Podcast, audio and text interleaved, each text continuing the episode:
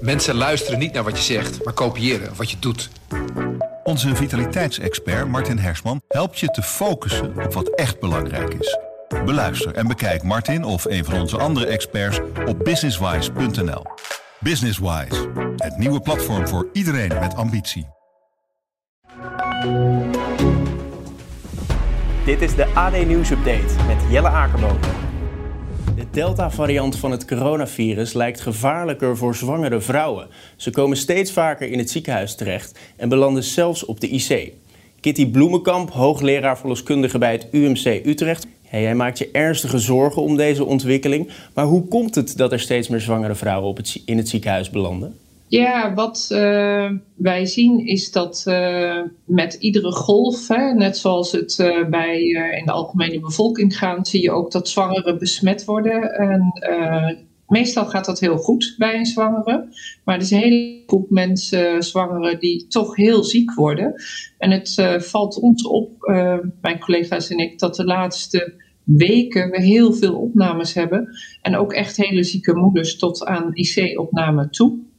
En uh, we hadden al berichten gekregen uit Engeland, uh, waar ze ook een registratie van alle COVID-positieve zwangeren uh, die opgenomen worden bijhouden. Dat doen we in Nederland ook, maar zij lopen iets voor. En zij zagen dat die Delta-variant ja, het slechter doet bij zwangeren, of dat zwangeren daar zieker van worden. En meer longontstekingen en soms zelfs op de IC. Ja, want ook hier in Nederland zie je schrijnende voorbeelden in het ziekenhuis voorbij komen. Wat zijn dan nou de gevaren van zwanger zijn en corona hebben? Ja, het is, uh, de moeder uh, krijgt dan een, uh, een, longontsteking of ze kan een longembolie krijgen. En uh, ze wordt erg ziek en ze wordt kortademig en moet soms aan de beademing. En als je op dat punt komt, ja, besluit je eigenlijk, ligt een beetje aan hoe ver je in de zwangerschap bent, maar besluit je toch dat de baby ook geboren moet worden. En dat betekent dat je ook echt een baby kunt krijgen die te vroeg geboren wordt. Ja, nu is het wel zo dat sinds mei het RIVM uh, alle Nederlandse uh, zwangere vrouwen adviseert om zich wel te laten vaccineren. Gebeurt dit dan te weinig? Ja, die indruk hebben wij wel. De echte cijfers hebben we uh, niet, maar lijkt uit de eerste registraties trouwens wel uh, te komen. Um, ja, wat ik persoonlijk zie op een polykliniek is dat mensen met een hoog risico, dus onderliggende ziektes, dat die zich vaak wel laten vaccineren als ze zwanger zijn of als ze zwanger willen worden. En ja, andere vrouwen zien we dat er toch veel twijfel is. Ja, jij doet vandaag echt een, een oproep in onze krant. Wat, wat is nou jouw boodschap? Ja, laat je in ieder geval goed informeren. Ik denk dat er hele mooie websites zijn en filmpjes ook op YouTube eh, van VWS en het RIVM en de beroepsverenigingen. Kijk daar goed naar, lees dat, laat het tot je komen. Vraag je zorgverlener wat de voor's en tegens zijn. En mijn oproep zou toch zijn: doen, want het is veilig en effectief. Ajax en PSV strijden morgen om de Johan Cruijffschaal met tienduizenden voetbalsupporters in het stadion. En dat terwijl festivals en andere evenementen zijn afgelast. Ook de boekingen van Walter Kroes hangen aan een zijden draadje. Ja, hoe kijk jij naar die volle stadions? Nou ja, weet je, ik, ik, ik kan het gewoon niet rijmen. Uh, er staan duizenden mensen voor de poorten van een stadion. Je moet er door een hele smalle doorgang moeten ze naar binnen. Vervolgens zitten ze allemaal op hun stoel. Uh, de business seats die gaan tussendoor, gaan ze bier drinken. Die staan met honderden tegelijk bij de bar. Mensen die geen business seat hebben, staan met honderden, zo niet honderden dudden staan ze ook binnen om bier te halen, om naar de toiletten te gaan. Vervolgens spelen de voetballers. Iedereen gaat juichen, iedereen valt elkaar in de armen. Met andere woorden, we hebben een superspreader. En het is niet zo dat ik tegen dat voetbal ben, want sterker nog, we zijn er weer bij en dat is prima. Ik ben gek voor voetbal. Alleen ik kan het niet rijmen dat de artiesten daar niet mogen optreden. Dat er duizenden mensen uit ons vak gewoon gedupeerd zijn. Lichtmensen, geluidsmensen, uh, nou ja, de artiesten zelf natuurlijk ook. Maar vooral alles wat er omheen hangt, die hebben het misschien nog wel veel zwaarder. Terwijl er wel duizenden mensen naar een stadion mogen. Ik kan dat niet rijmen. Want welk gevoel geeft het jou dan als artiest als je die beelden ziet? Nou ja, als ik zeg ik kan het niet rijmen, dan bedoel ik eigenlijk... Ik weet niet of je Peter Gillis kent, maar ik word er Fox Wild van. Ik word gewoon woest.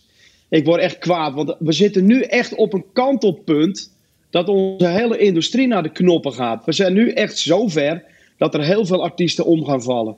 En als er artiesten omvallen, dan valt er nog een hele business omheen valt er om. Hè? Podiumbouwers, geluidsmensen, horeca, noem het allemaal maar op die er afhankelijk van zijn. Tentenbouwers. Uh, ja, het is gewoon niet meer uit te leggen. We kunnen dit niet meer uitleggen. Wij snappen het ook nu niet meer.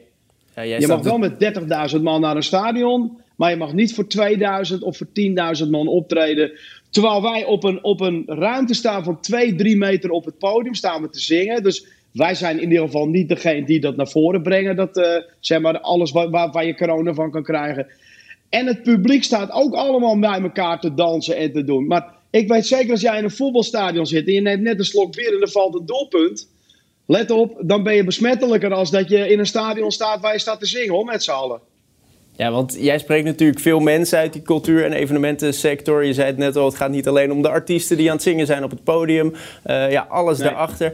Hoe gaat het met die mensen? Hoe kijken zij tegen die situatie aan? Nou ja, weet je, kijk, laten we één ding vooropstellen. Uh, de artiesten die al heel lang bezig zijn, die kunnen dit nog wel nou ja, nog wel. Ook niet heel lang meer. Maar die hebben wel een buffer opgebouwd. Maar als ik zie hoe de geluidsmensen eraan toestaan zijn. Of, of, of, weet je, ik ken jongens die zitten in dit vak al. Die zijn al 30 jaar lang bezig in dit vak.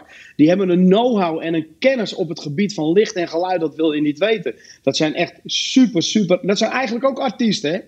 Dat zijn ook artiesten, want zonder die mensen kunnen wij ook niks doen. Nou die zitten gewoon in een zware crisis. Ik, ik ken geluidsmensen die werken op een vrachtwagen, die maken schoon bij schoonmaakbedrijven. Die zijn iets compleet anders gaan doen. En niet dat dat erg is, dat je ander werk doet, alleen de passie ligt daar niet. Hun ding is, is geluid maken, licht maken, podiums bouwen, horeca doen tijdens festivals. Die mensen zitten echt in een crisis. Die zijn ook geestelijk helemaal kapot.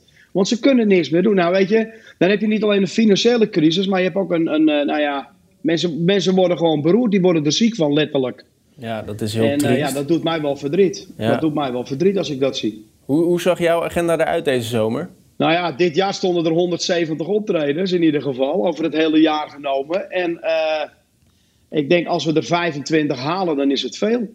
Ja. En dat is eigenlijk vanaf, dat is eigenlijk tot vorige week zondag hebben we er nog een aantal kunnen doen. Ja, en nu die regeling is tot 750 mensen, is er gewoon weer een, een knijtervolle agenda is er weer uitgehaald. Afgelopen weekend hebben we nog Venlo gedaan. Mensen ook allemaal zitten. Ja, weet je, tuurlijk gaan mensen staan hè, tijdens een liedje, maar ze gaan niet polonaises lopen en gek doen met elkaar. Dus dat, uh, ja, er mag nu niks meer. Heb je nog een beetje hoop? Ja, heb ik hoop. Ik hoop dat de virologen en vooral de regering hier naar luistert wat wij nu vertellen. Want ik ben natuurlijk echt niet de enige. Hè. Er zijn er zoveel die nu opstaan. Een Jet Rebel, uh, noem ze, nou, trouwens noem ze allemaal op. Alle artiesten zijn, zijn nu in het verweer gegaan. Want, uh, nou ja, uh, ik zeg altijd, kan niet is dood en wil niet leeft nog. Nou ja, als, het, als de wil er niet is, dan gaat het ook niet gebeuren. En dat is nu even het dingetje. De regering moet nu ook inzien dat voetbalwedstrijden kunnen dan moeten concerten. En vooral, het zijn allemaal buitenconcerten hè, op het moment. Dat is nog het ergste. We staan meestal buiten nu. Niks mag boven de 750 mensen. En het slaat werkelijk helemaal nergens op. Dankjewel voor dit moment, uh, Wolter Kroes. We gaan er even over verder praten hier in de studio met onze politiek verslaggever Hans van Soest. Ja, Wolter hoopt op snelle versoepelingen. Is dat realistisch? Ja, dat moeten we nog heel even afwachten. Volgende week vrijdag, 13 augustus, geeft, uh, geven Mark Rutte en Hugo de Jonge weer een persconferentie. En daarin uh, geeft het kabinet een vooruitblik op wat ons te wachten staat. Hè? vanaf nu of vanaf volgende week. dat komt, het aantal vaccinaties stijgt natuurlijk. Hè. Inmiddels zijn al 9,5 miljoen Nederlanders volledig gevaccineerd. Er zijn al 21 miljoen prikken gezet. Ehm, dus de situatie is wel aan het veranderen. Uh, maar ja, we zijn nog wel steeds rood op de Europese kaart. Het aantal besmettingen is nog steeds hoog. Dus ik verwacht niet dat volgende week vrijdag uh, het kabinet tot direct zegt... nou, vanaf morgen uh, mag alles weer. Maar ze zullen wel een, een, een, een vooruitblik bieden vanaf wanneer weer, er weer ja. wel meer mag. Maar dat snap ik. Maar ja, hoe kan dit nou? Hoe kan het nou dat uh, zo'n voetbalstadion wel vol mag ja. zitten, vol, en ja, een evenement slechts 750 man? Ja, nou ja, ik begrijp, ik begrijp, ik begrijp uh, uh, die verbouw, wel dat al die artiesten daarover verbouwereerd zijn. Alleen het klopt niet helemaal wat Wolter Kroes zei, dat die seated concerts niet meer mogen. Want dat mag nou juist wel. Want dat is nou precies de crux in de regelingen. Wat mag wel en wat mag niet. En dan is de crux stoeltje. Als je zit, zittende evenementen, dus in stadions of in uh, bioscopen, of dan, dan, dan mag het, dan mag er meer. Dus stel uh, op Lowland zouden ze allemaal stoeltjes neerzetten. Ja, het is niet te doen. Uh, maar ja, dan mogen er meer dan 750 mensen. Alleen ja, voor organisatoren is dat gewoon niet, niet haalbaar of niet rendabel te maken.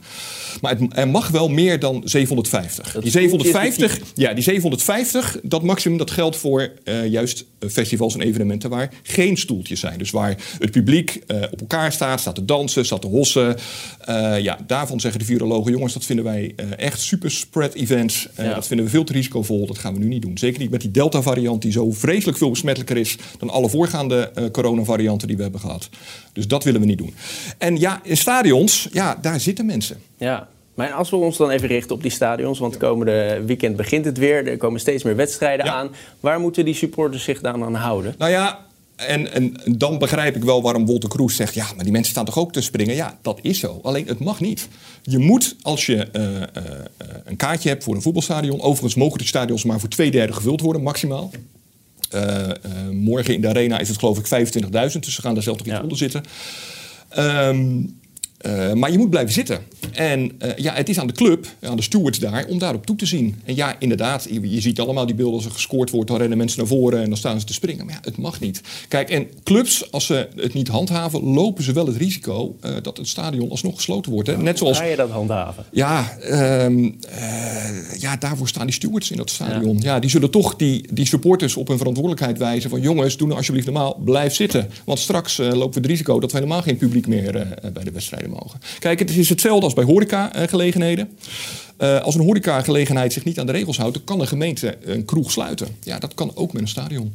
Dat zouden de consequenties kunnen zijn dat voor een stadion als ja. het misgaat. Ja. Okay. En hoe lang uh, ja, is dit nog van kracht, deze huidige regels? Nou, de huidige regels lopen in principe tot en met volgende week vrijdag. Hè. Dus daar uh, uh, valt dan net de opening van het voetbalseizoen onder, nog net. Uh, ik verwacht eigenlijk dat het kabinet de huidige regels hoe dan ook nog wel tot 1 september zal handhaven. Dan, dan, uh, het hoeft niet. Het kan zijn dat ze volgende week toch weer zeggen... nou oké, okay, vanaf morgen mogen uh, festivals weer bijvoorbeeld. Maar dat, dat denk ik eigenlijk niet. Uh, vooral omdat het aantal besmettingen nog steeds erg hoog is... in vergelijking ja. met de ons omringende landen. En dan vanaf 1 september, ja, uh, dan zal er mogelijk weer iets versoepeld worden. Ajax en PSV nemen het morgenavond tegen elkaar op in de strijd om de Johan Cruijffschaal. PSV-watcher Rick Elfrink. Het gaat weer beginnen in Nederland eindelijk. PSV maakte afgelopen week al indruk in Europa natuurlijk. Maakt dat ze nu ook favoriet voor deze wedstrijd? Oh, dat zou ik nou niet uh, direct zeggen. Uh, ja, PSV heeft het inderdaad prima gedaan in Europees verband. Maar goed, Ajax speelde ook een aantal prima oefenwedstrijden. Ja. En uh, ja, de vraag is ook in hoeverre PSV echt door het gaatje wil gaan tegen Ajax. Omdat ze natuurlijk midden in een uh, Europese tweestrijd zitten met uh, FC Midtjylland. En daarna ook nog heel wat krachten nodig hebben om zich voor de Champions League te kunnen plaatsen. Als ze dinsdag overleven. Dus ja, of het echt een, een, een, strijd helemaal op het scherp van de snede wordt, dat, dat durf ik nog niet te voorspellen. Verwacht je dat er spelers gespaard gaan worden? Nou, dat zou zomaar kunnen. Ik denk niet dat uh, uh, alle elf spelers van afgelopen dinsdag... Uh, dat die allemaal 90 minuten gaan maken. ja, misschien dat het toch wel één of twee pijntjes zijn... waarmee Roger Smit geen risico wil nemen. kortom, ja, ik, ik, verwacht geen complete tombola... Hè, waarbij elf spelers gewisseld worden. Maar ik denk wel dat, ja, dat, dat, dat er wel enkele wijzigingen zullen zijn morgen. En bij Ajax zijn er misschien ook wel wat, wat kleine probleempjes fysiek... Dus ja, ook misschien daar uh, uh, leeft misschien het idee van... goh, even nog hier, wat, hier en daar wat pas op de plaats. Want het is uiteindelijk, ja, het is natuurlijk een belangrijke pot. Hè. Het gaat om een prijs. Maar aan de andere kant, ja, het is natuurlijk ja, een wedstrijd... waar volgende week uiteindelijk niemand het meer over heeft. Het gaat om het kampioenschap, het gaat om Europees voetbal. Dat is uiteindelijk het belangrijkste. Maar goed, morgen kunnen beide ploegen wel laten zien waar ze staan. En ehm, ja, voor de een is dat misschien nog net iets belangrijker dan voor de ander. Ja, want je, je zegt al even de titelstrijd. Verwacht je dat PSV het Ajax dit jaar daarin ook lastig kan gaan maken? Ja, dat is allemaal heel erg vroeg nog. Kijk, uh, natuurlijk, vorig jaar was het gat heel erg groot met 16 punten. Ja. Hè, laten, we, ja, laten we daar ook niet omheen draaien. Dat was, dat was te groot hè, vanuit Eindhoven's perspectief. Uh, PSV deed eigenlijk eind februari al niet meer mee om het kampioenschap. Ja, dat willen ze natuurlijk dit jaar voorkomen. Ehm, ja, of dat ook gaat gebeuren. je zou zeggen, als je, als je kijkt naar hoe PSV gestart is, dat er wel wat meer in het vat zit dit jaar. Maar ja, nogmaals, het seizoen is, is net begonnen. Een paar blessures verder of, of een, paar schorsingen verder of wat dan ook. Ja, en, en de wereld kan er altijd weer heel anders uitzien. Dus het is voor PSV denk ik vooral een, uh, een ding nu om heel te blijven. Om ja, desondanks toch de, de goede flow, heb je dat woord weer, te pakken, te houden. Of te, te, te blijven vasthouden. En ja, tegen Ajax zullen ze ook niet helemaal uit het ritme willen raken. Dus ik verwacht geen, geen elf andere spelers. Die hebben ze trouwens ook helemaal niet. Dus het transferwindow is natuurlijk ook nog altijd open, Rick. Uh, gaat er de komende weken nog iets gebeuren op die transfermarkt voor PSV? Ze zitten natuurlijk met Iatare. Zeker, zeker. Er gaat nog van alles gebeuren. Ik verwacht eigenlijk dat het, vooral richting de slotdagen dat het toch weer heel erg druk gaat worden. Je ziet dat er bij, bij de nodige ploegen niet zoveel, niet zoveel geld is. Dat er toch geprobeerd wordt om allerlei creatieve oplossingen te zoeken hier en daar. Um, ik denk dat er op de, op de laatste dagen van de transfermarkt enorme drukte kan ontstaan. Um, nou ja, bij PSV zeker uh, moet er nog het nodige gebeuren. Inderdaad, hè, wat je al zegt, Iatare zal nog vertrekken. Dumfries moet nog altijd de transfer officieel zien te krijgen. Um, nou ja, en daarnaast wil PSV ook nog een aantal inkomende spelers aantrekken. Of er zullen nog een aantal spelers bijkomen. Um, ik verwacht nog wel een aanvaller en misschien een middenvelder bij PSV erbij. Tot slot, durf jij te zeggen wie er morgen als winnaar uit de strijd gaat komen? Oh, of ik dat durf, dat is niet, wat ik vind is niet zo belangrijk en wat ik voorspel is niet zo belangrijk. Uh, ik denk niet dat het, dat het een. Normaal gesproken wordt het geen wolk over, denk ik niet voor beide ploegen. Uh, ja, geen idee. Uh, PSV zit al een tijdje in competitie nu. Hè, in echte competitie. Ajax alleen nog maar oefenwedstrijden gespeeld. Maar ja, goed, op basis van het afgelopen seizoen laat Ajax dan de favoriet zijn. En laat PSV dan iets minder de niet-favoriet zijn op basis van de huidige eerste, eerste wedstrijden.